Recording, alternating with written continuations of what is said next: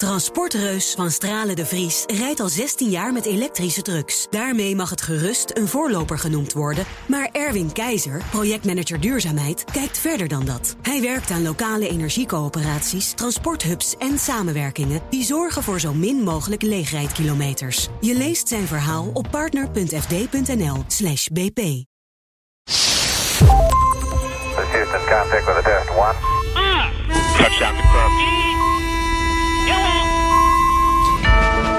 Hallo allemaal. Welkom bij een nieuwe Space Cowboys met Herbert Blankenstein. Hey daar, Thijs. Ja, Thijs Roes spreekt hier en Arno Wielders. Goedemiddag. Hallo Arno, Eh, je bent eh, dit keer goed te horen. Ja, ik denk, het wel, hè? Ja, want de vorige keer dat jij hier eh, op bezoek was, was dat was die ene aflevering die eh, niet goed is gegaan.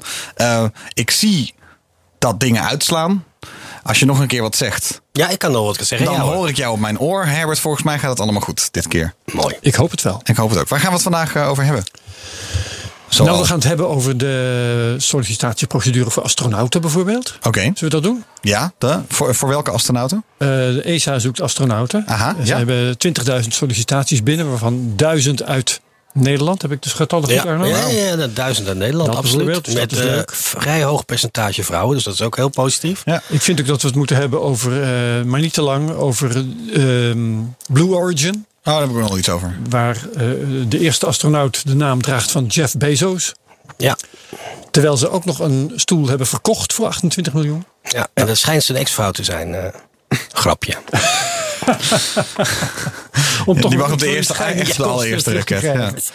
En eh, ik ga nog het hebben over, ehm, ik denk, hoe sterren ontstaan. Niet alleen hoe ze ontstaan, maar meer hoe weinig we wij daarvan eindelijk weten. En hoe we er meer vanaf kunnen weten. Via het kijken naar wolken waar ze geboren worden. Dus dat is nog iets dat ik uit de hoge hoed over. Ja. En Arno, jij? Nou, er is vorige week bekend geworden dat Relativity Space, wat een relatief onbekend bedrijf in Amerika is, die bouwen raketten, maar met dan 3D-printen. Die hebben een investering van 700 miljoen gekregen om een soort systeem te bouwen wat lijkt op Falcon 9, maar dan helemaal herbruikbaar. Dus ook de tweede trap. Dus dat is wel interessant. Een totaal printbare raket. Dat Ja. is bizar. Kunnen we wel meteen gaan over verder gaan kletsen, denk ik. Ik vind het prima. Ja, waarom niet? Want, eh, eh, nou, wat is dat voordeel van, wil ik vragen. Maar dat, op zich, als je raketten kan printen, dat is te gek, natuurlijk. Ja. Van Eh, welk materiaal is mijn eerste vraag. Eh, de volgens mij eh, gebruiken ze titanium eh, voor een deel van de eh, eh, structuur die ze kunnen Eh, printen. Ja.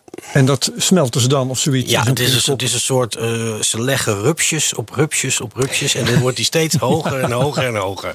Dat is wat je. Dus ze hebben een aantal filmpjes op hun website gezet. waarbij je kan zien hoe de 3D-printer daadwerkelijk een hele tank opbouwt. Bijvoorbeeld van de ja, eerste ja, Ehm, en de- het bedrijf is opgezet door Tim Ellis. En dat is een voormalige medewerker van SpaceX. En die heeft een hele hoop andere mensen. die ook bij SpaceX hebben gewerkt. maar ook bij andere bedrijven bij elkaar gehaald. En die zijn sinds een jaartje of vijf, zes bezig om dit voor elkaar te krijgen. om een kleine raket te bouwen. Maar nu heeft hij ook plannen om daadwerkelijk een soort kleine Starship-versie te bouwen. Wat SpaceX natuurlijk ook aan het doen is. Maar dan zo groot als Falcon 9. En die gewoon de eerste trap herbruikbaar, maar ook de tweede trap herbruikbaar. Dus dat je de complete raket voor een volgende lancering weer kan gebruiken. En dat is waar we natuurlijk naartoe willen. Niet alleen omdat we geen Ja. troep in de oceaan willen donderen. Maar we willen ook graag dat die lanceerkosten heel erg naar beneden gaan. Zeker. En ehm, een raket maken die herbruikbaar is, is één ding. Ehm, ook werkelijk her- hergebruiken is het tweede. Want dan moet je wel over de technologie beschikken om hem veilig te laten landen. Zodat Absoluut. hij ook heel blijft enzovoort. Ja. Ehm, moeten ze dat opnieuw gaan uitvinden? Of gaan ze dat in licentie nemen van Elon Musk? Nee, ik denk, ik denk niet in licentie. Maar de- manier zoals Elon Musk laat landen, dat geeft al met behulp van die gridfins. Hij laat al heel erg zien hoe ze het doen. Ja. Hè, dus het gaat meer om de algoritme en de, het eh, attitudesysteem om de raket stabiel te laten landen. Kijk, daar zullen ze misschien nog wat onderzoek aan moeten doen. Maar het hele concept van de eerste trap te laten landen, dat is vrij duidelijk hoe ze dat gaan doen. Ja, ja. Omdat het al gedaan is. Omdat het al gedaan Ja, is. dat- En het dat wordt overal goed. gekopieerd. Hè? Ja, het is niet alleen grappig. de Amerikanen kopieert, maar in China zie je ook een aantal bedrijfjes opkomen. En die hebben bijna een kopie van de Falcon 9 zijn ze aan het ontwikkelen. Ja, maar de Chinezen zijn in dat opzicht wat moeilijker tegen te houden dan een ander Amerikaans bedrijf, stel ik me voor. Ja, maar ik denk toch dat hier eh, genoeg nieuwe innovatie bij komt kijken. Dat ze kunnen zeggen van dit is zoals wij het doen. En het is toch anders dan het andere bedrijf. Ja. En hoe gaat het nu met die tweede trap dan eigenlijk bij de Falcon 9? Want die eerste trap die vliegt terug. En dan Ja. die tweede die eh, dan op een gegeven moment nou ja, wat er dan ook maar mee is. Wat gebeurt er dan vervolgens met die, Die wordt daarna die, gedeorbit, zoals ze dat noemen. Dus terug in de atmosfeer gestuurd en daar moet die verbranden. En waarom heeft eh, Elon Musk niet nu al een keer gezegd van eh, die, die moeten we ook gaan... eh, Nou, ze hebben voor Falcon Opvangen. 9 hebben ze ooit gekeken naar of ze die tweede trap terug konden brengen. Maar dat vonden ze te moeilijk. Hm. Met het nieuwe Starship systeem, hè, met de Starship Booster en met het eh, schip zelf, die komt natuurlijk weer helemaal terug. Ja. Dus daar is de complete eh, herbruikbaarheid al geïntroduceerd. Dus je, je krijgt straks in mijn ogen twee systemen. Een hele grote, dat is Elon Musk met Starship. En je krijgt een kleinere versie en dat is Relativity Space. Dus ja, ik praat wel vaker over. eh, in Europa zijn er ook kleinere bedrijven gekomen die willen ook kleine raketten lanceren. Maar ik zie daar de innovatiekracht is veel minder dan wat je in de VS ziet. Ja. Dus Dat zijn over het algemeen wegwerpraketten. Ja, ja, Ja. ja. Het is wel zo, we hebben eens een keer een interessante discussie hier gehad over dat ehm, er uiteindelijk voor elke eh, hoogte, voor elke baan om de aarde, is een soort andere first principles benadering om de laagste energie te gebruiken.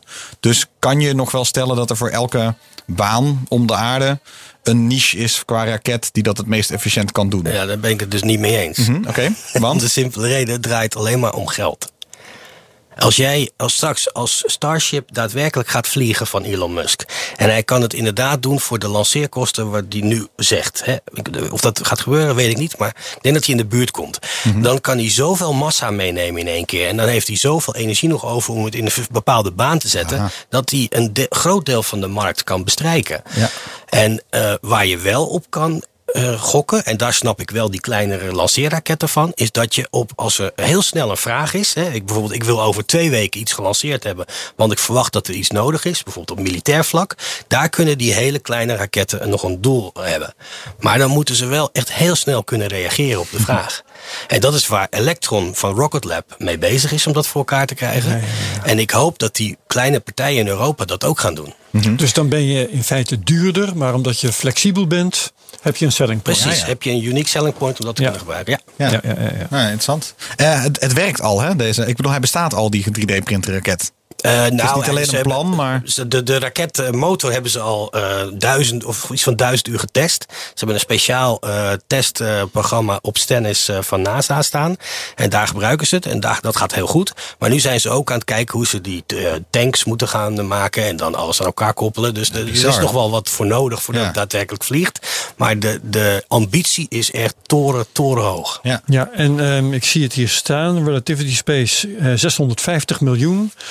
Ehm, en dat komt van investeerders als eh, Fidelity, BlackRock en Tiger Global. Ja. ja, Fidelity is ook een investeerder in SpaceX. Dus daar Juist. zijn, eh, ja, echt van die venture capitalists. Ja, BlackRock investeert een beetje in alles wat er is. Dus, Wat los en vast zit. Ja. Ja, maar het is, het is wel grappig om te zien dat die, eh, de hoeveelheid geïnvesteerd geld vanuit private partijen in de ruimtevaart is echt de afgelopen jaren geëxplodeerd. En dat is wel een interessant iets, want blijkbaar zien die investeerders een soort return of investment terugkomen op Ja. niet al te lange termijn, schat Ja, ik toch in. Dat zou je denken, hè? Dat Ja. zou je denken, ja. Ja. Dus ik, ik ben heel benieuwd hoe dat de komende vier, vijf jaar gaat ontwikkelen. Of daadwerkelijk, misschien gokken ze op een, eh, een uitgang hè, van die bedrijven. Dat ze verkocht worden naar Ja, een ja. andere grotere partij. aan Overigens, als dat een venture capitalist dat doet, eh, dat is geen garantie dat dat inderdaad ehm, eh, rendement oplevert. Want een venture capitalist redeneert, ik doe dat 20 keer en één daarvan die levert 25 keer de, de buiten op. Mee eens, mee eens. Ja. Maar, maar ik neem aan toch dat ze eh, gekeken hebben naar de markt, eh, naar de mogelijkheden om een exit te Dat kunnen die doen. kans er in elk geval is. Precies, precies. Want anders stop je niet zulke hoeveelheden geld erin. Dus het is een interessante tijd. Ja, zeker. Het is, want het is wel. Eh, maar je zegt vier, vijf jaar, dat lijkt me nog een hele korte termijn. In ieder geval voor hun sowieso, want dan, dan rendeert Ja. het nog nauwelijks. Ehm, maar eh, denk je dan dat het. eh, dat zij denken dat de industrie daadwerkelijk gaat groeien erin? Of want op dit moment is het eigenlijk alleen maar het privatiseren van wat, dat wat eerder door overheden werd gedaan, maar nog niet een enorme groei qua markt zelf.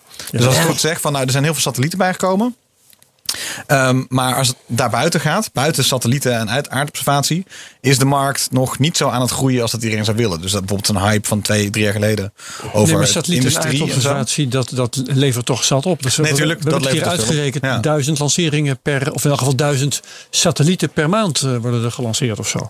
Ja, nee, dan wel. Maar dus het, het hele minen van asteroïden en zo, waar, waar grote beloftes over we- werden gedaan. zijn we nog niet. Nee. Maar eh, Rocket Lab heeft nu net. eh, eh, je, je- nou, moet ik het anders zeggen. Je ziet ook dat de bedrijven zich anders aan het organiseren zijn. Vroeger had je echt de lanceerpartij, je had de satellietbouwer en, en die waren compleet gescheiden.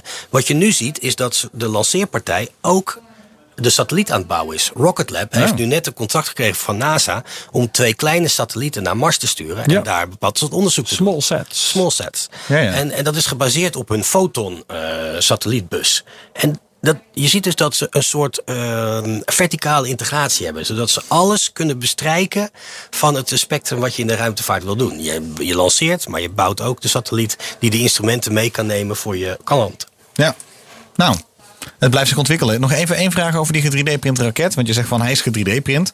Dat zijn natuurlijk de onderdelen. Uiteindelijk moet hij ook nog in elkaar gezet worden. Toch? Is dan het idee echt dat dit een keer... ehm, nou ja, elders in het zonnestelsel dan gebeurt? Of eh, wat is nou hun ambitie? Nou, hiermee, ik denk dat ten eerste de ambitie is om het een keer goed voor elkaar te krijgen en hem te lanceren en dat het daadwerkelijk lukt. Ja. En eh, ik weet dat ze al een stuk of vijf, zes lanceringen zeker verkocht hebben. Dus ze hebben al klanditie. Wauw, nu al. Ehm, dus ik geloof dat Telesat daar een van is, wat een grote partij is. Dus er zijn echt wel eh, kansen voor dat bedrijf om daarmee geld te verdienen. Ja. Ja. Nou, tof. Mooi. We houden het in de gaten. Eh, relatively, Relativity Space. Ja.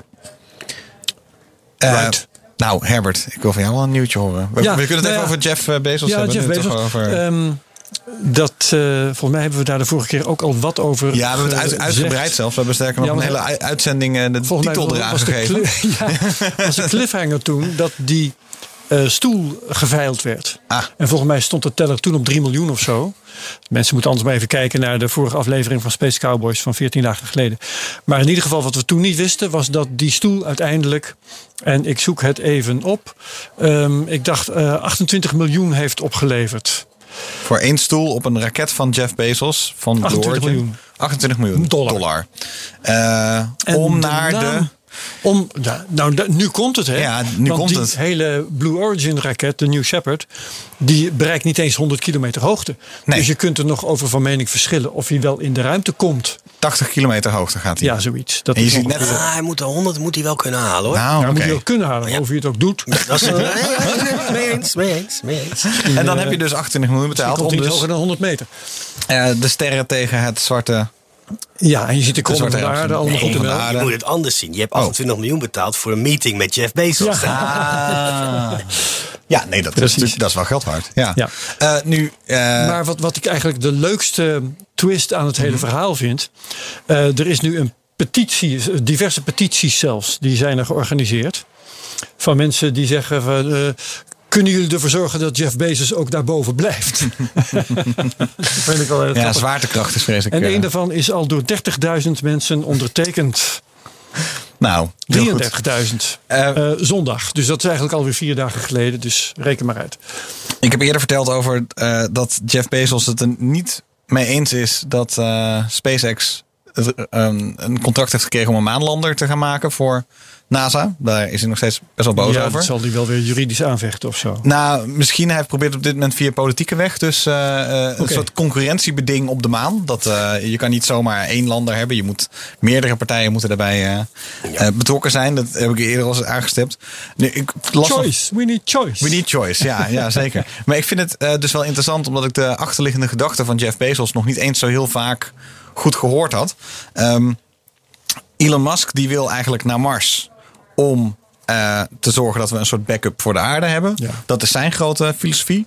En Jeff Bezos, die heeft blijkbaar ook een filosofie.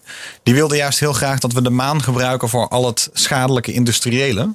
En daarom moeten we naar de maan toe. Dus hij heeft ook een vrij praktische oplossing. Dus toen hij opeens zag dat dus die lander, waar eigenlijk zijn grote masterplan, eigenlijk meteen stokte bij het feit dat hij geen contract had gekregen om Ja. naar de maan te gaan, is opeens zijn, zijn grote masterplan gestokt. Dus Dus vandaar zien Amazon en dat, al die eh, lelijke depots gewoon op de maan worden neergezet. Exact. Dat lijkt me prima. Exact. Ja. Nou ja, ik, ik, ik denk dus, er zit op zich wel wat in. En ook het feit, als je het ehm, eh, ja, wel goed regelt.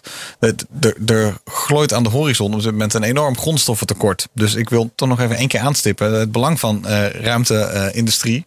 het, het, het klinkt nog heel ver weg. Maar op een gegeven moment, als op een gegeven moment fabrieken niet meer kunnen draaien. Omdat de dingen niet zijn. Dan op een gegeven moment gaan de mensen wel zoeken, denk ik. Naar, is er nog ergens een, eh, een goudmijn te vinden? Want hoeveel kost het om een asteroïde ergens? Een paar miljard? Laten we even zeggen een paar miljard om een asteroïde ergens op te halen. Ik denk dat er nog een 10 nulletje, miljard? Ik denk dat er wel een nulletje bij kan, ja. 100 miljard? En dat je, ik ik denk dat de totale investeringen in die orde moet bedenken. Nou, ja. dat kan dan. Maar ik denk dat, dat is, dat is eigenlijk best wel haalbaar. Ik denk niet dat geld de beperkende factor is. Nee, Ik nog denk voorlopig dat- niet, denk ik. Kijk, je kunt natuurlijk zeggen met geld kun je alles. Maar ehm, om zo'n eh, asteroïde te krijgen waar je hem hebben wilt. Of om ter plekke eh, daar de delfstoffen uit te halen. En die ook nog naar de aarde te Nou, parachuteren. nee, naar, de, naar de maan eh, is dat. Dus je, je in een soort baan om de maan. En dan daar haal je hem langzaam uit elkaar. Verwerk je op de maan. Ja. En dan stuur je terug naar de aarde. Maar, maar de- denk die- aan de energie Ja, die ja, dat kost. Om, om dat, maar al dat materiaal van de ene zwaartekaput naar de andere te Ja, als je brengen. een en dan bierveeltje weer- hebt, dan reken het even uit. Ja, nee. Omdat je gewoon niet weet. Nee, je weet niet om wat voor massa's het gaat. Je weet niet om wat voor eh, eh, markt het gaat. Weet je wel, hoeveel van welke grondstof er eigenlijk nodig is. Waar was ik, kijk, Ja? ik, ik, ben het, ik ben het met je eens dat dit gaat komen. Hè? Alleen de vraag is op welke tijdschaal. Ik geloof niet Ja. binnen nu en 20 jaar. Dat, Nee. dat geloof ik niet Ik ook. Eh, om, ook omdat een hele hoop spullen, grondstoffen worden misschien wel schaars. Maar ik Hooguit denk als het juist- gaat om brandstoffen die in de ruimte Nee, dat is een heel ander gebruiken. verhaal. Dat is een heel ander verhaal. Hè? De- Bijvoorbeeld, er is Orbit Fab, wat een klein bedrijfje is. Die lanceert volgende week eh, de eerste tanker in de ruimte. En daar is moet je toch mee beginnen. Dan leer je dingen. Ja, precies. en dan kom je erachter hoe het eventueel zou kunnen met grondstoffen die je op aarde gaat gebruiken. Maar, eerst ga je op de maan grondstoffen winnen die je op de maan gebruikt. En op zo'n asteroïde ga je dingen maken die je op die asteroïde laat voor raketten die langskomen om Precies. bij te Ja, dat denk ik ook. Maar als we toch, als we, nikkel, als we ergens een nikkel-asteroïde vinden. Ik noem maar iets. maar Dat is een veel flinke. ingewikkeld. Wat, wat hebben we aan eh, eh, eh, een miljard ton nikkel in één keer? Batterijen. En dan, kan je, batterijen en dan maken. kan je dus veel beter op aarde die- de dingen beter batterijen recyclen. ja, Of nog veel ehm, ehm, schaarsere voorkomens van nikkel leren te exploiteren. Dat zijn dan de, de plekken waar je rendabel je, je materialen kunt halen. Maar het is, het is, het is, ik blijf toch even, nou niet de advocaat van de duivel, de advocaat van een Walhalla. Ehm, het, het blijft een eindige stof. Dus eigenlijk als je zegt als mensheid moeten we eindeloos kunnen groeien. Dan kom je op een gegeven moment, ja misschien niet in de komende Nee, 20 nee, jaar, maar het zal je toch moeten. Ja. Daar ben ik met je eens. We zullen alles Nee, in zonder ik ben het helemaal eh, met je eens. De, de fout die heel veel mensen maken, is dat ze zien als de aarde als een gesloten systeem. En dat is gewoon compleet niet waar. We hebben het hele zonnestelsel tot onze beschikking. dus als je wat wil, dan moet je daarin investeren. Maar ik zie de bereidheid om daar echt geld in te stoppen, die zie ik nu nog niet. Nee, ik zie het, kijk. ESA is, heeft nu een aantal wedstrijdjes georganiseerd. Dus dat komt wel een beetje. Maar eh, tien jaar geleden was het verboden om daarover te praten bijna. Hè, bij Ja, wijze ja. van spreken. En nu zie je dat dat wat eh, innovatiever wordt. Maar echt grootschalige industrie in de ruimte. Maar je moet eens kijken. Van de week hebben ze met behulp van twee astronauten die nieuwe zonnepanelen op het ISS eh, geplaatst. Als je ziet hoeveel tijd er nodig is om die twee astronauten naar buiten te brengen. Alle procedures. Het is nogal wat hoor. Ja, Ja. ja. Ja, en mijn betoog is dus wat je, waar jij het over hebt. eh, grondstoffen uit de ruimte naar de aarde brengen. Dat is zomaar opeens iets wat je gaat doen. wat orders van grootte duurder is dan wat je nu aan het doen bent. Eh, als het gaat om mijnbouw op aarde. Ehm, wanneer, zoals jij terecht zegt, de grondstoffen op aarde opraken. dan gaan die gewoon geleidelijk aan duurder worden.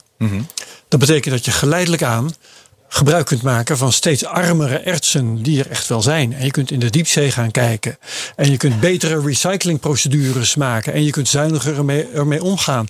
Alternatieve stoffen zoeken. Er zijn allerlei manieren waarop je op aarde toch nog beter toe kunt met de materialen die er zijn.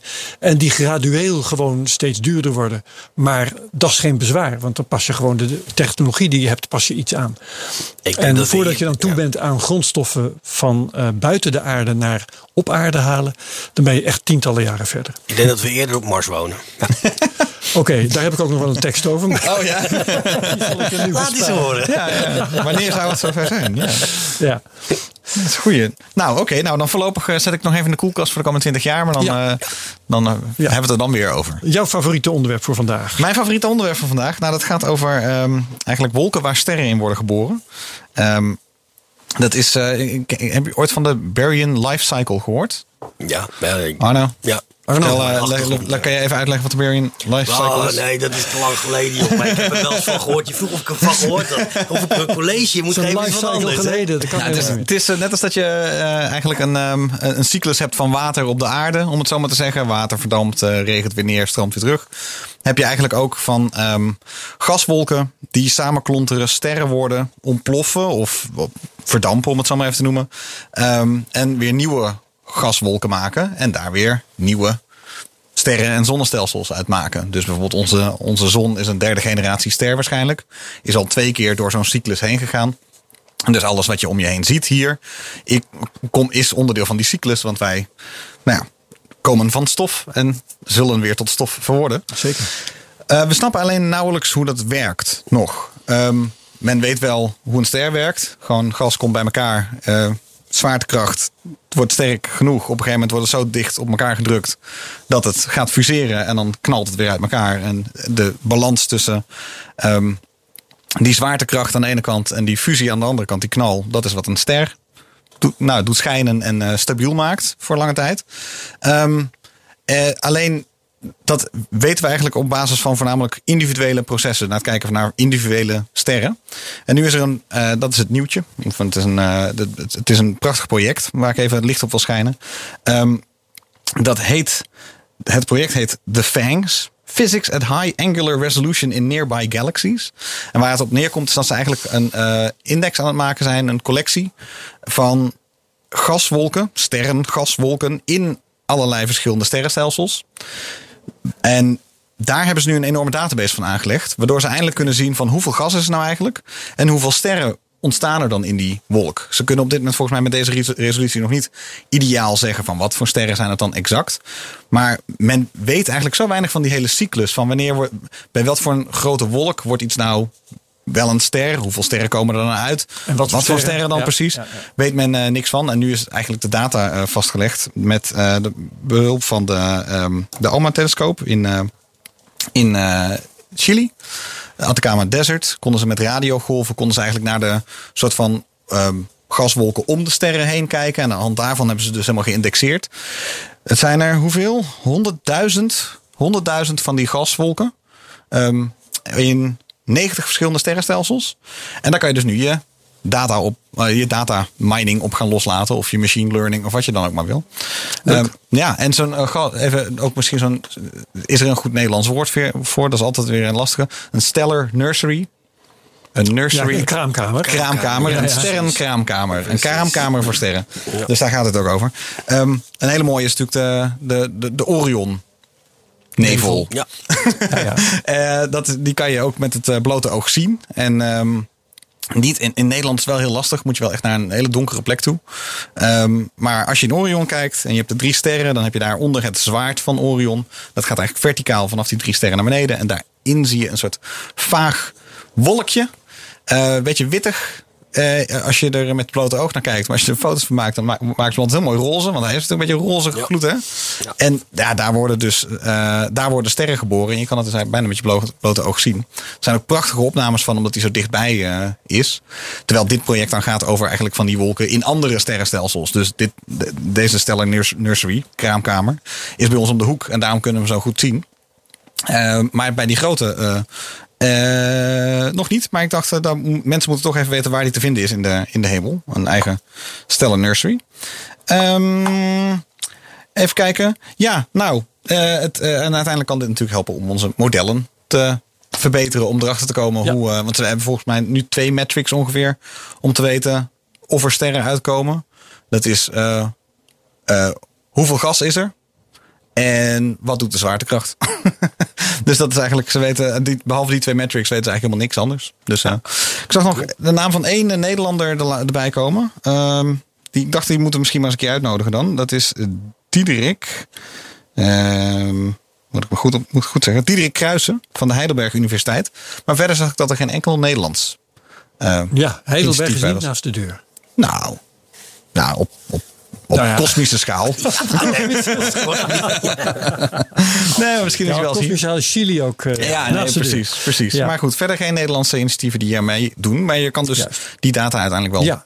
eh, en het idee is dus dat je dan eh, dankzij de analyse hiervan op een dag kunt zeggen: Oké, hier zie ik een gaswolk zus en zo hangen, heeft die en die eigenschappen. Dus het gaat Ja, waarschijnlijk en nog een stapje zo- verder. Zo'n eh, soort ster opleveren. Ja, een beetje wel, maar daarmee eigenlijk die totale cyclus. Je moet eigenlijk een beetje Hm. voorstellen van we, we, we kennen regen wel en we kennen misschien eh, waterdamp wel, maar die totale cyclus van eigenlijk hoe dat nou eigenlijk totaal werkt, die willen ze eens helemaal in, ehm, in kaart ja, ja, eh, brengen. En het is heel mooi, ze hebben ook een paar, ik zal in de show notes even die link plaatsen. Ze hebben ook mooi een schema staan van welke stap in die eh Barry Life Cycle nu met welk instrument wordt opgenomen. Want ehm, de James Webb telescoop gaat eh, bijvoorbeeld naar sterren kijken. En ook wel naar gaswolken. Maar ze hebben dan dus weer radiotelescopen nodig om hele, ehm, hoe noem je dat? Eh faint.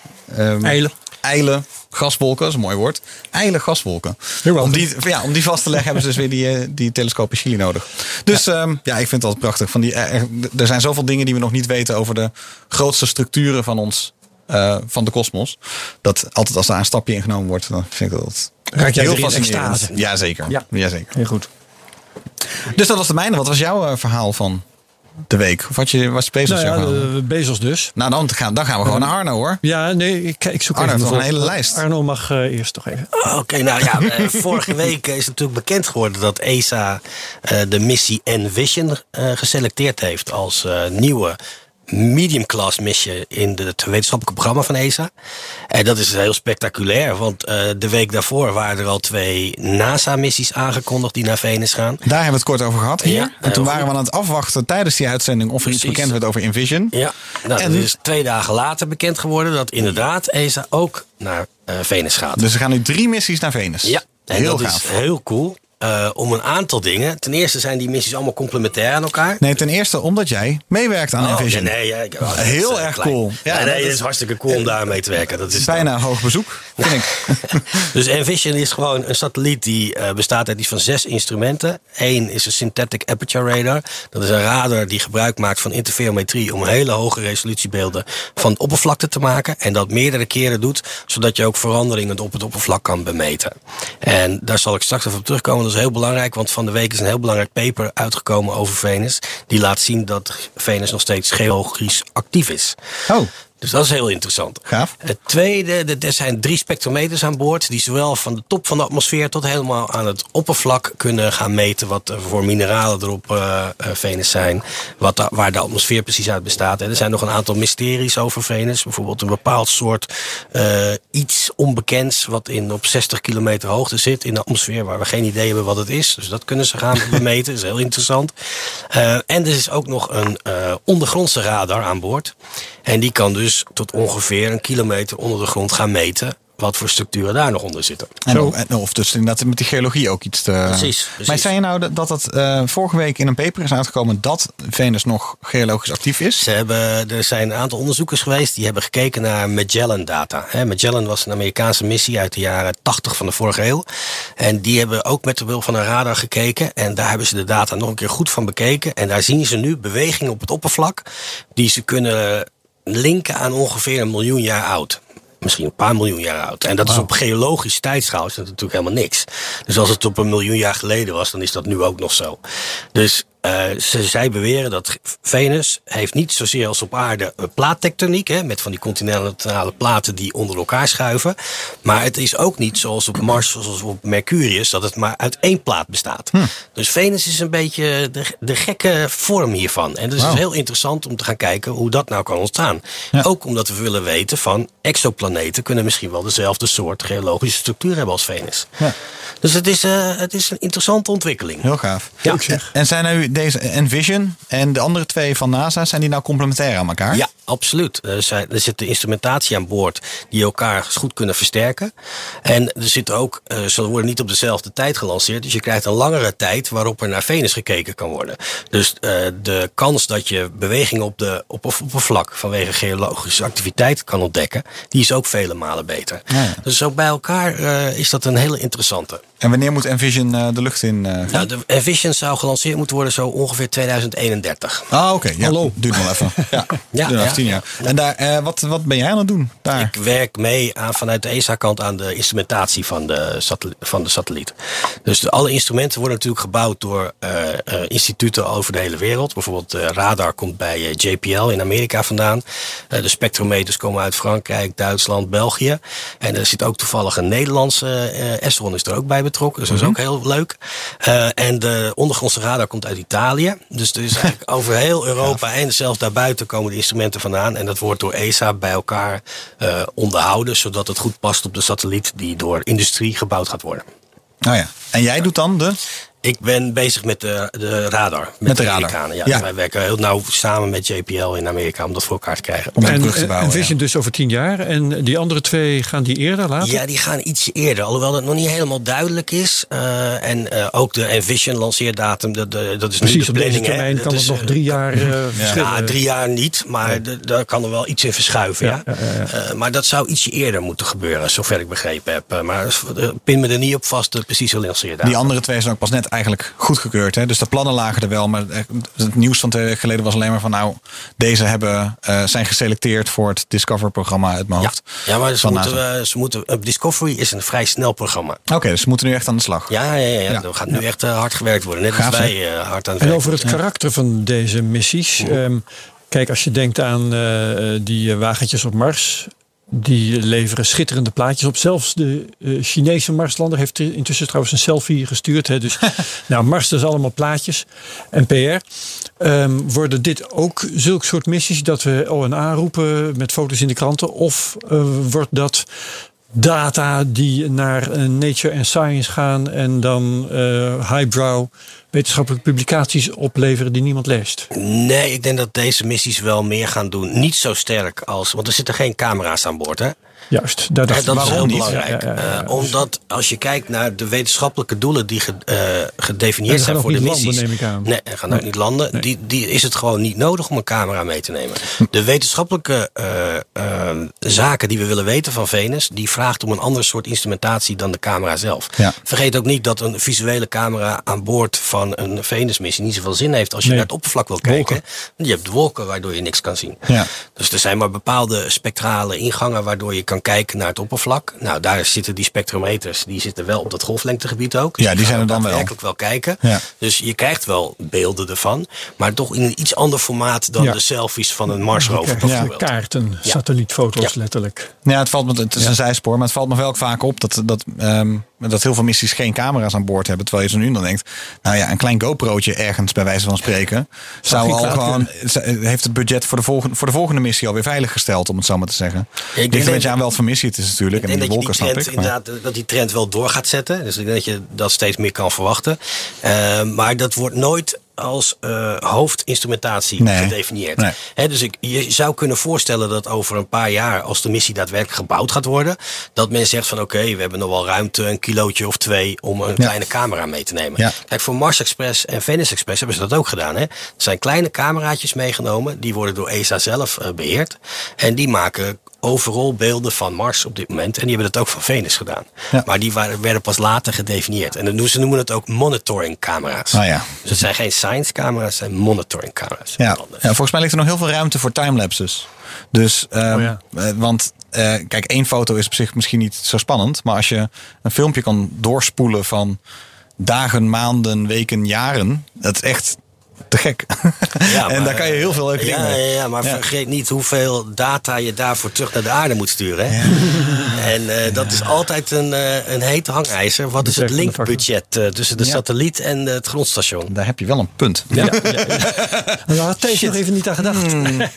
Want vergeet niet dat de, de, de SAR, dus de Synthetic Aperture Radar, die genereert gigantische hoeveelheden data. Ja? Ja, dus daar, alleen daarom Ja. moet je dus eh, goed Om kijken. Wat is de bandbreedte die je hebt tussen Venus en de aarde? Ja, dat hangt er een beetje vanaf. Maar 75 megabit per seconde kan je ongeveer halen. Dat valt me nog mee. Ja, want eh, ja. met New Horizons, met Pluto was het Ja, echt uh, modemsnelheid. Ja, ja, dat is wel erg ver weg. ook. Ja, precies. Nee, maar daar is het dus inderdaad evenredig. Is er niet gewoon- een of andere open frequentie waarbij het gewoon richting de aarde stuurt? En dan kan je het hier Nee, gewoon opvangen met, allemaal met heel- het schoteltje. Dat is allemaal heel strikt geregeld hè, via de, de Internationale Unie voor eh, Spectrum. eh, dus dat kan je niet zomaar doen. Ja, ja, ja, ja. Er is geen publieke lijn eh, in, de- in, in de ruimte. Helaas. Eh, niet dat ik weet. Ik ga er nog verder nadenken. radio. Ja, zoiets. Ja, ja, precies. Ja, dat zou een heel handig zijn. Ja. Ja. Ja. Nou, eh, gaaf. Envision, ja, ik heb eigenlijk nog zoveel vragen over Venus zelf. Maar volgens mij eh, eh, in zijn algemeenheid. Ehm, even kijken. Dat je, dat, kan je dat als instrument nog even een keer goed uitleggen? Dat, je, dat we zeker weten wat je, wat je gaat doen. Dus wat, wat is van, voor Envision nou de hoofdopdracht? Ten opzichte van die andere twee. Ah, nee, maar je, je moet het zien. Kijk, wat heel belangrijk is, is dat je de hele planeet in kaart kan brengen. En dan praten we, eh, ik praat dan altijd in hoogte. Dus je begint aan de top van de atmosfeer. En dan langzaam naar beneden door de verschillende lagen in de atmosfeer. Dan kom je op het oppervlak. Wil je het oppervlak goed in kaart brengen. En ook de, de veranderingen op het oppervlak. En dan ook nog aan het onderkant van het oppervlak kijken. Nou, wat eh, de Envision-missie goed kan doen, is in kaart brengen. En de Veritas-missie van de Amerikanen, die kan bijvoorbeeld weer veel beter de kleine verschuivingen aan het oppervlak eh, bemeten. Dus, eh, en wat beide missies kunnen doen, die kunnen helpen om voor Da Vinci de juiste plek te kiezen waar de zonde in de atmosfeer moet komen. Dus zo kunnen de missies elkaar helpen en elkaars wetenschappelijke doel versterken. Ja. ja. Nou, heel gaaf. En Ja. eh, jammer dat het zo voor Venus zo lang heeft moeten duren. Hè? Dat zo, Ja, dat we nog zo lang moeten wachten. Ja, precies. En nu zijn er ook een paar van die andere missies naar IO bijvoorbeeld. Eh, niet doorgegaan. dus, het is ook, eh, Ja. dus het is heel tof. Dus nu komt er echt duidelijk een soort eh, Mars en Venus golf aan van, Ja. van missies. Maar nu. Ja, en Rocket Lab gaat al eerder naar Venus. Hè? Die hebben een kleine private missie opgezet naar Venus. Echt waar? Ja. Die lanceren geloof ik 2024. Gewoon voor de test. Ik weet niet wat daar precies achter zit. Ik weet alleen Want dat vraag ik me ze... meteen af, wat is daar dan het verdienmodel van als je een private missie hebt? Ik heb geen idee. Nee? Ik, weet niet, ik weet ook niet de details ervan. Ik weet alleen dat ze bezig zijn om een eh, kleine eh, zonde daaraan vast te koppelen. Die ook in de atmosfeer moet duiken. Eh, maar de details daarvan weet ik niet. Spannend. Ja, ze wil zelfs naar leven gaan zoeken op, op Venus. Nou. ja misschien Leven dat, op Venus? Ja, in de, wij in de cloud. Hè? Ze- ja, hè, dus dat, In de eh, wolken, ja. ja. In de wolken, ja. Hoe, hoe zit het nou precies? Men, men, eh, er is het idee dat er een habitable zone zou kunnen zijn in de wolken van Venus. Niet op Ja, het als je gaat kijken, als, als er. Er zit natuurlijk heel erg weinig water in de atmosfeer. Dus dat, dat is een probleem. Maar op ve- ongeveer 50, 60 kilometer hoogte kom je op een gebied waar de druk ongeveer 1, 2 bar is. Dus het is veel minder dan het oppervlak. En er kunnen misschien wat eh, mineralen aanwezig zijn. Maar la, laten we is- eerst gewoon het is gewoon kijken. ja. laten we die drie missies er naartoe sturen. Ja, en dan over tien jaar verder. praten we er weer over. Ja, is goed. Nou, mooi uitgesteld. Prima. Ehm, zal Ja. ik? Ja. nee, want Ja. waar we het nog over moeten hebben. Oh, waar dat moeten we nog over in de inleiding al even over gepraat. Dat is de sollicitatieprocedure voor astronaut. Voor wie astronaut wil worden. Eh, hier zijn de cijfers. 22.000 mensen hebben gereageerd op de vacature. 998 uit Nederland. En eind 2022, dus anderhalf jaar na nu, eh, gaan we weten wie de nieuwe astronauten zijn. zijn. Hoeveel worden er geselecteerd? Eh, 6 een stuk of plus vijf, zes. 20. 6 plus 20. Ja, Zes vast. De 20 zijn die para-astronauten, hè? Dus- Nee, dat zijn de 20 die eh, als backup fungeren. Oké. En hoeveelheid para-astronauten, dat weet ik niet. Nee, niet en dat helemaal zijn duidelijk. dus eh, mensen met een, vroeger zei je handicap. Tegenwoordig zeg je beperking of nog iets anders. En het gaat in dit geval om een lichamelijke beperking, toch? Ja. ja. Ze willen kijken of er, ja, hoe het is om een astronaut te zijn met een lichamelijke Ja, beperking. en die toch? gaan dus niet de ruimte in, maar die gaan wel de training volgen en dat soort dingen om als een soort eh, controlegroep te fungeren. Ah ja, op die manier. Ja. Ja, Dan zou je ook ehm, kunnen zeggen van misschien dat je wel de ruimte in kan. Want dat zou er dan uit kunnen blijken dat dat prima Ja, kan. maar ik denk Ja, dat, is ook wel eens gedaan. Hè. Er is een keer iemand zonder been eh, mee omhoog gestuurd. Wat me trouwens heel gunstig lijkt, want het scheelt meteen een paar kilo. Absoluut. op zo'n manier. Nee, maar ik denk Ja. dat je in nul zwaar of in micro zwaartekracht je je, je benen veel makkelijker bewegen. Dus, eh, Ja, als je gewoon ja. alleen armen hebt. Dus dan heb je, je, je beperking is denk ik veel minder Ja. dan hier op aarde. Dus Ja, het is, dat het is, het het zijn. is een pre. ja. Maar goed, Ja. ehm, waar verder een groot ding van gemaakt wordt, in elk geval in NRC, waar ik dit eh, in zie staan, op 23 juli vandaag, juni vandaag. Ehm, dat is eh 24% van de sollicitaties is afkomstig van een vrouw. Kijk, Daar was speciaal om gevraagd. En eh, dat is dus ook meer dan in het verleden, want eh, de vorige keer hadden ze 8400 sollicitaties en was 15% vrouw. maar Dus het percentage is Ja. omhoog. En het aantal aanmeldingen is omhoog. Ook, Ook dat. Dus er blijken toch wel twee dingen uit, inderdaad. meer belangstelling. Meer belangstelling en ook En meer van meer vrouwen. Ja, wat goed zeg. Dat gaat de goede kant op. Maar er is nog een wereld te winnen, hè? want 24 procent, een kwart, Ja, Veel te weinig, hè? ja, dat is veel te weinig. ja. Moet je daar gaan. Maar ja, goed. Als het eh, eh, ten opzichte van 15% is, dan is het toch weer een... Ja, Een maar. Arno, jij had eh, wat eh, twijfels over eh, de kansen van de Nederlanders. Nou ja, ik, wat ik heel positief vind is natuurlijk dat er duizend Nederlanders de moeite hebben gedaan. En ook Ja. de, de, de, de, de, de spirit hebben om dit te gaan doen. Ehm, en wat ik een klein beetje hoop is, want Nederland draagt niet zoveel bij hè, in het ESA-budget aan het bemenste programma van ESA. Dus ik hoop juist dat als ESA eventueel een Nederlander selecteert, dat dat ook gepaard gaat met extra investeringen in de ruimtevaart. En eh, Nederland is een beetje een.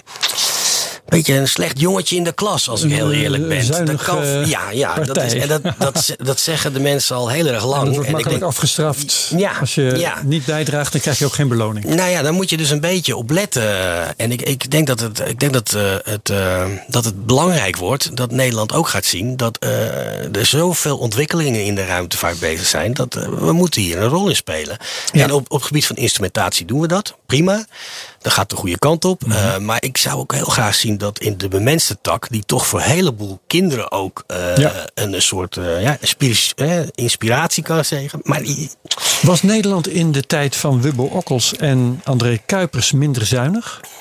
Eh, dat vind ik moeilijk. Dat kan ik niet 1, 2, 3 eh, inschatten. Maar ik weet wel dat onze bijdrage in het, eh, in het Human Spaceflight and Exploration programma toen wel wat hoger was. Ja. Eh, en ik, ik heb het idee dat dat. En ik moet dat helemaal qua nummers checken natuurlijk. Maar ik denk het idee dat het nu wat minder is. Eh, dat zou weer omhoog moeten. Ja.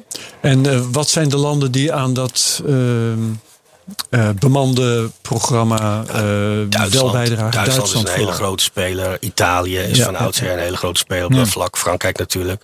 Dus dat zijn, de- dat zijn ook de landen die het meeste geld in ESA stoppen. Hè. Eh, voor- Duitsland en Frankrijk zijn het hele belangrijke projecten. En in Italië ook. Dus daar zullen ze. Ik, ik verwacht dat daar zeker een astronaut vandaan gaat komen. Ehm, maar nogmaals. We moeten zien hoe dat in de procedure gaat natuurlijk. Ja, ja, nou over anderhalf jaar dan zijn we wijzer. Ja. Leuk, wel. Oké. Wordt het, krijg je dat een beetje te zien als een soort uh, weet ik veel, een idols, eh, show? whatever. Ja. De afvalrace. denk Ik, het heb wel eens aan mensen gevraagd die eh, gesolliciteerd hebben deze keer. of ze een beetje een soort eh, videodagboek Ja. of zoiets aan bij willen houden. Ja. Maar ik heb daar niet echt eh, Nee? direct eh, nee, positieve eh, antwoord op gekregen. Of ze dat daadwerkelijk Ik- gaan ik- doen. ik maar het zou heel mij voor, interessant Ik roep ze bij deze op. Ja. De, de ruimtevaartwereld een beetje kennende, een beetje. eh, dat je misschien wel bijna, eh, hoe heet dat ook weer, eh, documenten moet tekenen dat je dat niet gaat doen. Want Dat weet En ik die- ze niet. weten natuurlijk dat ook wel dat niet. sociale media bestaan. En als daarover uitvoerig uit de school wordt geklapt, dan zullen ze niet blij mee zijn. Ja, maar, jawel, maar aan de andere kant is het wel steeds duidelijker eh, voor alle partijen dat het belangrijk is om aan het publiek te laten zien wat je met het geld doet, wat je in de ruimtevaart stopt. Dus ik denk dat dat wel, ik denk dat dat een stuk beter is dan eh, twintig jaar geleden. Dus ik verwacht dat daar een stuk meer openheid in eh, gekregen kan worden. Dat zou leuk Ja. zijn. Ja, ESA-communicatie Maar is wat dat hebben betreft nooit zo heel open geweest. Dat is altijd- Privacy aspecten van Nee, de deelnemers. tuurlijk, Eh, tuurlijk. Als ze Nee, het oké. niet willen, dan, eh, medische aspecten. Als ze het zelf niet willen. Nee, maar als ze op social media. Ik volg op Twitter volgens mij twee eh, meisjes die in, eh, eh, in de VS proberen astronaut te worden. Dus dat is hartstikke leuk. Want ja, je ziet dus inderdaad de, de trainingen, de, de stages die ze wel of niet krijgen. Maar ik kan me voorstellen dat als ze het zelf zouden willen als kandidaat, dat dat, dat in eerste instantie wel zou kunnen. Maar Je het verloop van de een wedstrijd. bepaalde eh, vrijheid, maar ik denk Hmm. dat, dat, die ook, dat die ook op een bepaalde manier wel beperkt wordt is. Ja, door de ja. organisatie waar jij solliciteert. Ja, maar het Als jij gaat solliciteren bij, bij Philips, dan vinden ze het niet leuk. Of bij Google, verzin maar wat. Dan vinden ze het niet leuk als je in allerlei detail gaat eh, Nee, duidelijk maken wie jou hebben ontvangen en wat, wat ze je gevraagd hebben. Nee. En wie jij in de wachtkamer nog meer hebt zien zitten. Maar iets meer promo zou natuurlijk wel... eh, zeker als ze zoveel aanmeldingen Ja. hebben, dan zie je ook dat het leeft natuurlijk. Ja. Jawel, maar als je ook nu ziet wat er op eh, Twitter verschijnt, wat er op eh, hun website, op de ESA-website verschijnt, eh, het is wel een stuk beter dan in het verleden. Hè? Het is veel Ja. beter Ja. te volgen, Ze zijn, er is veel meer informatie ook over te vinden. Dus ik vind echt dat er ten opzichte van tien jaar geleden een gigantische stap is gemaakt. Ja. Ik zie nog een nieuwtje op de site van eh, NL Space staan. Zal zal ik meteen even een nieuwtje erin gooien? Vertel eens. Ding, ding, ding. Nou, dat gaat over die robotarm waar we het wel eens eerder over hebben gehad. Hier. Er ligt al jarenlang een robotarm te wachten. Een Nederlandse robotarm. De Europese robotarm. Ehm, Airbus. ja, en eh, lang werd er, eh, werd er gewacht tot hij een keer de lucht in gaat. Maar hij gaat dus de lucht in. En dat is, ik kijk over drie weken. 15, Op 15 juli gaat hij vanaf lanceerbasis Baikonur. En wat gaat hij dan doen? Naar gaat hij dan aan ISS? het ISS worden vastgeschroefd? Eh, ja, aan het ISS. En daar is dan een ja, robotarm van de buitenkant aan het, eh, aan het ISS om eh, ja, dingen te doen. Nee, maar dat, kijk, Ik weet het niet precies. die Europese robotarm die is 20, 25 jaar geleden Ja, zoiets, ja. En, en dat hele... En Michel heeft er ook nog aan gewerkt. Michel van Baal volgens mij. Of die had er iets mee. Of die heeft er een keer iets over kunnen, gedaan. ja, ja, ja. En, en, eh, dus die was ook heel blij dat hij nu... Ik zag hem op Twitter helemaal blij zijn. Mede, mede host van Space Cowboys. Dat, dus die, dat hij eindelijk uit de mottenballen gehaald is. Maar, Ja. dat- kijk, het heeft misschien wel wat lang geduurd, maar dat is niet te wijten aan het eh, ERA-programma. Maar dat is te wijten aan de problemen die het Nauka, hè, de- waar die aan vastgekoppeld wordt om naar hoog gebracht te worden. Dat heeft enorm veel vertraging opgelopen in Rusland. Dus het is hartstikke tof dat die nu eh, uiteindelijk. eh, het is toch een stukje Nederlandse trots die omhoog gaat. ja, die dan rondjes om de aarde gaat. Aan het ISS vast. Ja. Dus eh, hij gaat, hij gaat. Goed zo. Dat was even kort een- nieuws. Een, een dienblad aan vastschroeven met glazen wijn en champagne. Dat je inderdaad 's ochtends vroeg gewoon een, van de robotarm een eh, wijntje krijgt. Ja, dat zou meneer. heel leuk zijn. Ehm, dan eh, kijk ik nu weer naar... Nou, ja, dan, dan kan ik melden dat ehm, het Chinese ruimtestation eindelijk bemand is. Ja, daar zijn mensen naartoe gegaan. En dat is, ja, dat is een week geleden al gebeurd. Dus net precies tussen twee afleveringen van Space Cowboys in. Ja. Eh, drie man zijn daar eh, eh, aangemeerd, staat hier in de Volkskrant. En hebben daar hun kamp opgeslagen. En wat ik heel grappig vond trouwens, dat was de foto die werd gepubliceerd. Ik dacht, dat is zo'n typerend verschil tussen, volgens mij hoor, voor zover ik dat kan beoordelen, misschien Arno, dat jij er meer van kan zeggen, tussen de Chinese ruimtevaart en de westerse ruimtevaart. Want zie je foto's van de bewoners van het ISS, ja, dan hangen die meestal in allerlei standen voor de camera. Helemaal in de knopen en ondersteboven en alles. En deze drie gasten die hadden zichzelf met hun voetjes naast elkaar vastgetipt, eh, Tippex zou ik zeggen, maar gevelcroot. En eh, stonden stram in de houding te salueren voor de camera. Maar dat, dat, kijk, in, in, in, de westerse wereld is het ruimtevaartprogramma vooral, vooral met mensen is eh, publiek. Ja. Het is, eh, eh, en in, in China is het militair. Ja, was het in Amerika natuurlijk aanvankelijk ook. Maar dat is helemaal veranderd. Ja, Kijk, NASA heeft in principe geen militaire tak meer. eh, terwijl Nee. in China is het grootste gedeelte van de ruimtevaart is nog steeds onder zeer hoge invloed van de militaire in het land. Dus ik vind dat niet zo vreemd. Ja. Maar ik vind het wel heel positief dat zij nu ook daadwerkelijk een ruimstation gaan gebruiken. En ik ben erg benieuwd eh, wat daar gaat gebeuren. Wat voor onderzoek ze gaan En, doen. en wat we daarover te horen en, krijgen. wat- want- en ook wat we erover te horen krijgen. Ja, Ja. Ja, absoluut. Heel, heel grappig die foto inderdaad. Dat ze, inderdaad ze lijken te staan. In, Ja, plaats, in plaats van dat ze Ja, dat dus kan natuurlijk helemaal niet. eh, ze rondzweven inderdaad. Met z'n allen bij elkaar is het inderdaad gewoon. Ze staan keurig in de houding. Nou, eentje zwaait wel. Gezellig. Maar ze zitten dus vast met hun voeten aan een ja, soort balkie of zo. Waardoor ze dus gewoon eh, Ja. recht overeind lijken te staan. Ja, heel geestig. Eh, en wa- wat voor onderzoek ze daar gaan doen is dus nog onbekend. Eh, ik, ik weet het niet. Ik weet Ja. dat er een aantal Europese partijen zijn uitgenodigd om eh, experimenten met ze omhoog te sturen naar het station van de Chinezen. Om daar onderzoek te doen. En het gaat ook via de eh, United Nations, eh, heb ik begrepen. Eh, maar de, de echte details daarover, daar, tenminste, ik weet daar niet veel over. Nee, ik, in ieder geval ruimtewandelingen en ingewikkelde technische tests. Ja. Ja, ja erg. eh, Ik hoop dat het een video is, hè? Ik hoop dat het een video Ze is. zullen langdurig aan boord blijven en eten, slapen en sporten.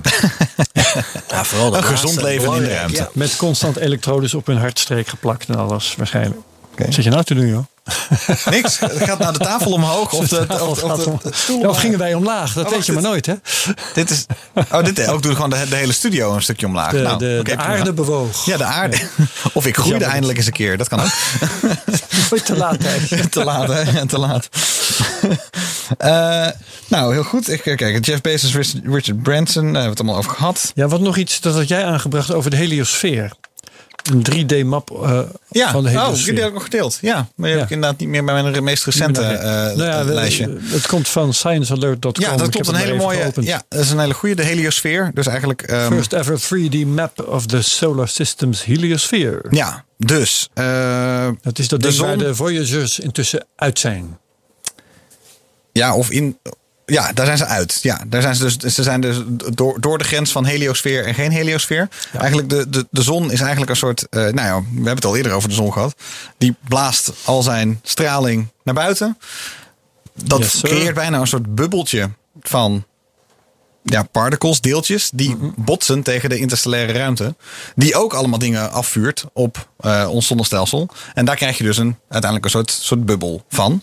Maar er was altijd een beetje onduidelijk van hoe ziet die bubbel er nou precies uit. Bovendien, hè, de Voyagers inderdaad, dat, die zijn, eh, dat zijn de enige twee objecten die inmiddels buiten die heliosfeer zijn en in de interstellaire ruimte. Dus die zoveel meetpunten hebben we ook weer niet. Nee, maar we konden dus een klein beetje wel zien van, nou ja, ze zijn er doorheen. Hè. Ze zijn als het ware door de schil van de bubbel eh, heen eh, gekomen. Ehm, maar er was een beetje onduidelijk van hoe, hoe ziet hij er nou precies uit, die bubbel? Is dat nou een perfect rond cirkeltje? Waarschijnlijk niet. Eh, waarschijnlijk is het iets met een beetje een soort komeetachtige staart. En dat blijkt nu waar te zijn, want ze hebben een hele mooie 3D-afbeelding gemaakt van de Wat ik dan heliosfeer. niet begrijp, als je dan twee Mhm. eh, instrumenten buiten die heliosfeer hebt hangen. Ja. Hoe kun je dan eh, zo'n compleet ruimtelijk beeld creëren? Ja, dat hebben ze ook niet met Voyager gedaan. Dat hebben Ah, ze op, op een andere manier eh, gedaan. Dat ga ik even opzoeken hoe ze dat ook weer gedaan hebben.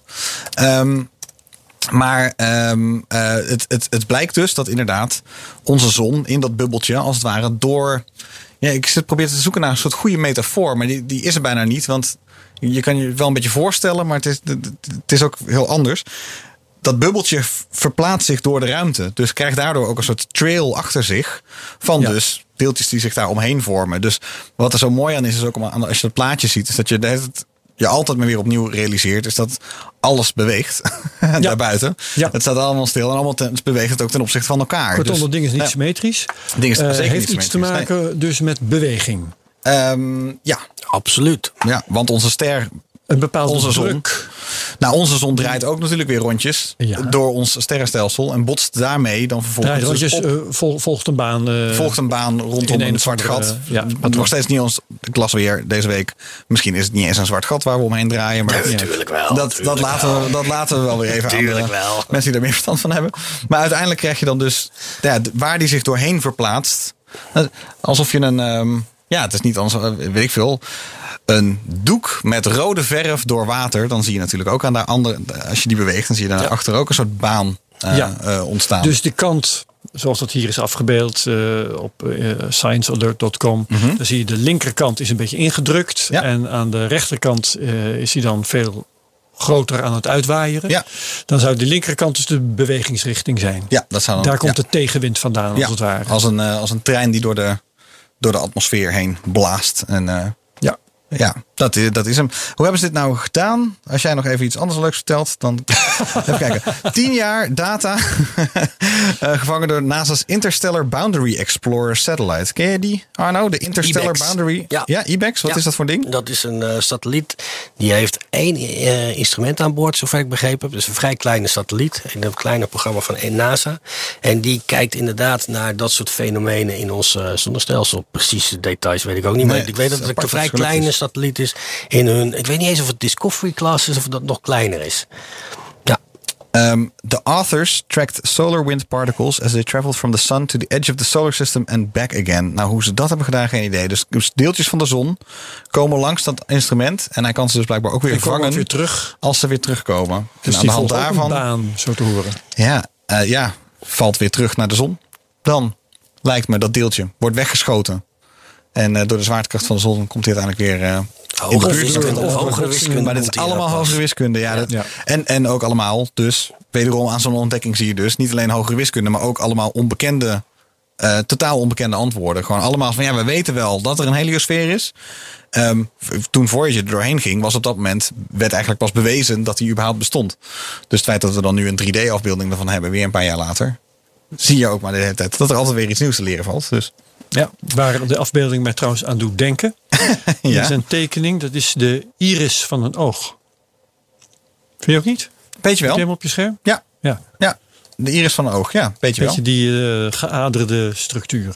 Maar toch ook een beetje een regendruppel die gewoon als het ware door de lucht valt. Gewoon zo'n echt zo'n druppelvorm. Ja, dat is de contour, de vorm inderdaad. Ja, Ja, ja, ja. Ik heb het over de tekening van binnen. Oh, de tekening van binnen. Ja. Ja. Nou, nou mooi.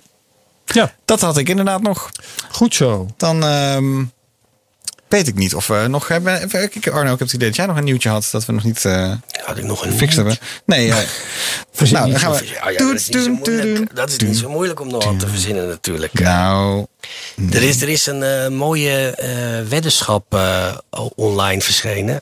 over mensen die beweren dat in juli, dus over een maand, dat Elon Musk dan als een Starship zou lanceren met behulp van de booster.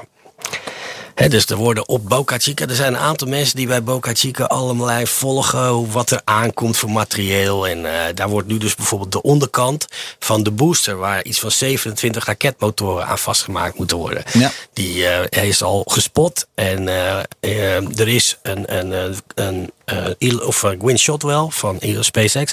Die heeft een eh, praatje gegeven ter opening van het universitaire jaar voor een universiteit. En toen liep ze tijdens dat filmpje liep ze door de fabriekshal heen. En daar stond een kaart met hoeveel raketmotoren er nog geleverd moesten worden voor de booster. En die, die, daar waren er niet zoveel meer voor nodig. Dus iedereen zit een beetje te gokken van wanneer nou die eerste lancering daarvan zal plaatsvinden. ja, juli was eerst gezegd, hè? Ja. Het lijkt wel krap hoor te worden. Ik denk niet dat dat gaat Nee, lukken. Maar want ook die toren wordt nog gebouwd. Dus Ja. wat dat betreft kunnen we nog even het einde van de uit, uitzending even volkleppen met een SpaceX-update. Want Precies. het was een tijdje stil, maar er komt inderdaad wel wat aan.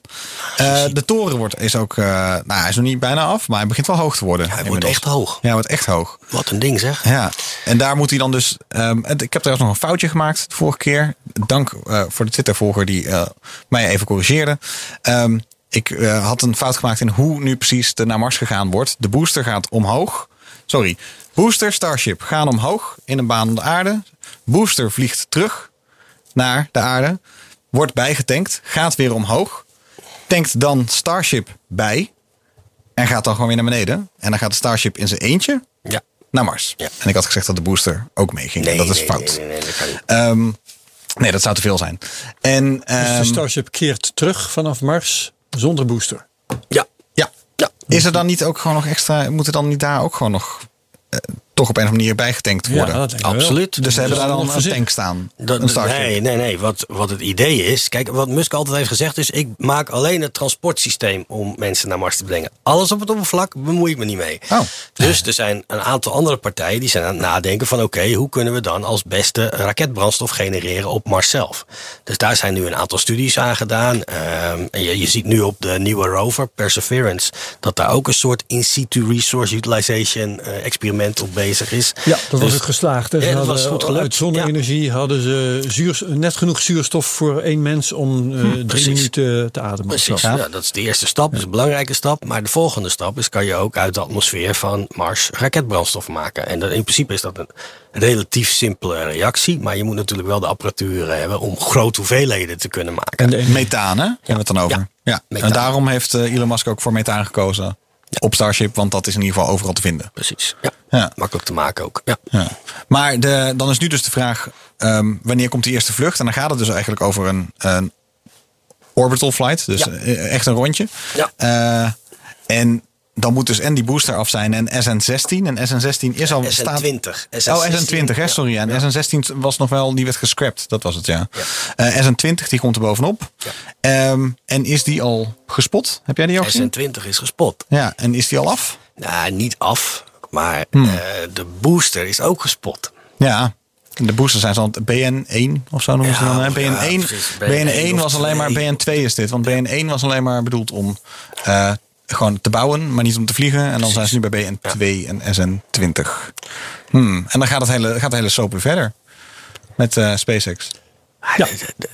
je, je- stel je voor, hè, we hebben nu Starship gezien. Er waren maar drie raketmotoren. Dat is eh, peanuts. Ja. En dat maakt als je de, de geluid hoort van de videoopnames, is het is niet te doen. Zo hard. En dan, dan maar moet je dat vermenigvuldigen totdat je aan 27 van dat soort beesten Ja, bizar hè? Ja, echt bizar. Dus die moeten er allemaal... En die zitten dan en op de booster en 27 op de booster en 3 op de op Starship. Starship. Dus nog even een knaldempertje ontwerpen. Nou, En die drie zijn, die drie zijn dan genoeg. eh, hoe- als dat ding op Mars is geland, is het dan, kan die dan in zijn eentje gewoon weer helemaal terug? Hè, dus veel minder zwaartekracht. Maar is, dat is dan dus met die drie motoren en Wat één tank is dan dus in principe genoeg om weer terug te komen. Eh, Dat dacht ik. Ja, dat moet dan wel, ze. eh, misschien dat het er geen drie zijn, hè? misschien zijn het er ietsje meer, dat weet ik niet. Nee, ja. Maar ik, ik dacht dat het er drie eh, op de Starship waren en dan 27 op de booster. Ja, ja. Maar dat, eh, je Drie weet zijn zo weinig. Zou het er niet ja, negen kunnen Ja, misschien dat het er toch zes zijn of misschien Nou ja. zeven. Maar je weet hoe snel dat weer kan veranderen. Hè? Ja, tuurlijk. Ja. Ja, ik zie hier trouwens iets van 29 tot 32 op de booster staan. Dat kan inderdaad ook weer. Ja, nee, dat verandert per week geloof ik. Dus dat maakt niet uit. eh. maar iets, iets, iets in die orde van grootte. Ja. Ik ben erg benieuwd. Maar of ze eh, jullie gaan halen met de, maanden. met de vlucht, Nee, dat, lijkt niet. mij niet. Nee, dat lijkt me toch Maar niet. eh, zeker voor het einde van het jaar. Dat geloof ik Elon wel. Musk time. Ja, precies. Nou, dat houden we ook nog goed aan. Ehm, hou het bij. Dat was het denk ik voor deze keer. Hè? Ik denk het ook, ik ben er Ik denk het ook. Ja, we zijn er helemaal doorheen. Ehm, eh, dan zou ik nog willen zeggen, blijf ons vooral volgen. Niet alleen hier op bnr.nl, maar ook At via Space Cowboys Pod. op Twitter. Dat is heel goed. Eh, Arno, dan wil ik jou heel erg hartelijk bedanken voor deze was tweede uitzending. gezellig. Ja, hartstikke leuk. Dank Thijs je. bedankt. Thijs Roes. En Herbert Blankenstein ook heel erg bedankt. En natuurlijk de luisteraar. Tot de volgende keer.